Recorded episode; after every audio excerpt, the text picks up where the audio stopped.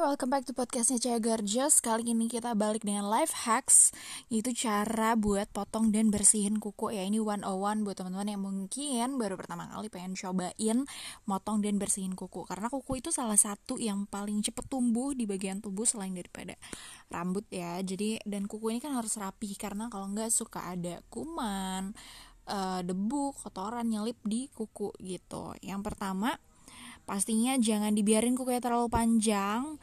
Jadi kalau bisa 1 sampai 2 minggu sekali tuh rutin dipotong supaya tetap selain daripada tetap rapi karena makin panjang kan makin potensi banyak kuman ya.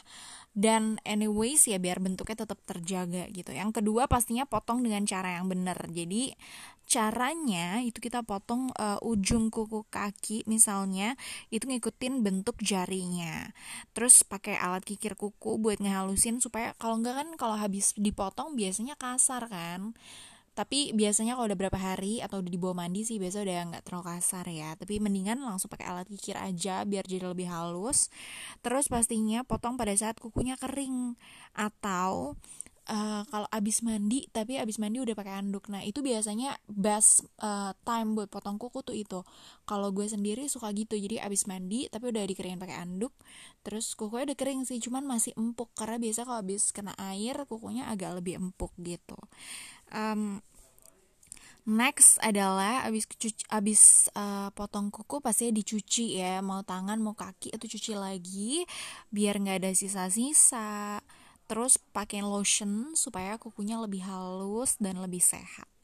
Kalau nggak ada lotion khusus kuku kan ada ya merek-merek tertentu um, dan harganya sebenarnya lumayan pricey lumayan mahal. Kalau gue sendiri karena harga beli lotion kuku mahal jadi gue pakai lotion badan biasa. Sama aja karena konsepnya sama-sama lotion ya buat melembabkan sih. So far so good.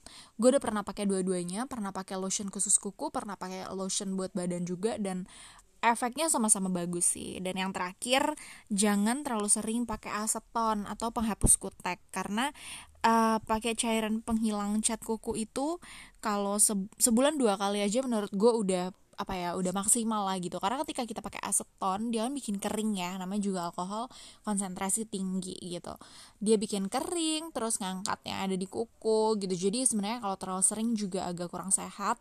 Uh, tapi best time nya tuh menurut gue sih dua kali sebulan. Jadi per dua minggu lah ya masih possible gitu. Karena aseton ini cukup keras. Jadi itu aja tips and trick hari ini. Hopefully teman-teman uh, dapat insight ya. See you on another podcast